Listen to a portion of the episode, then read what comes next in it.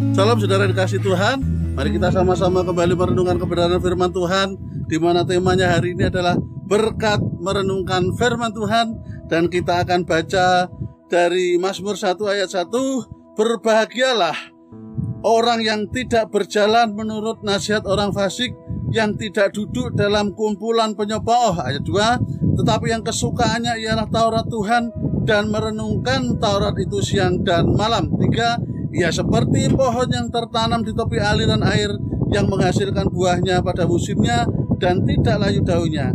Apa saja yang diperbuatnya berhasil. Saudara dikasih Tuhan, ada satu berkat yang disiapkan Tuhan ketika kita membaca dan merenungkan firman Tuhan. Merenungkan itu apa? Artinya membaca, memahami, mengerti, mengerjakan dalam kehidupan kita sehari-hari.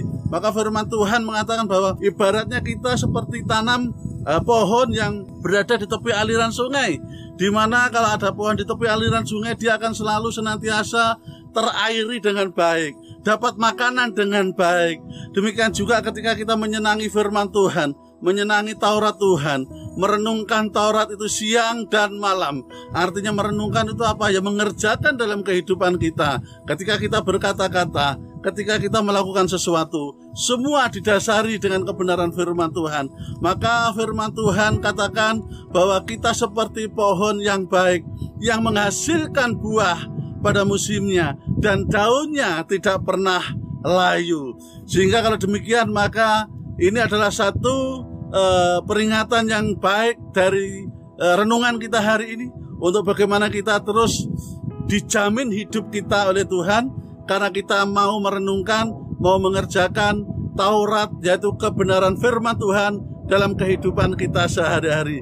Biar kita menjadi orang-orang yang kesukaannya ia adalah merenungkan Taurat Tuhan siang dan malam dalam kehidupan kita sehari-hari. Sehingga hidup kita seperti pohon yang ditanam di tepi aliran air. Tuhan Yesus memberkati kita semuanya. Emmanuel.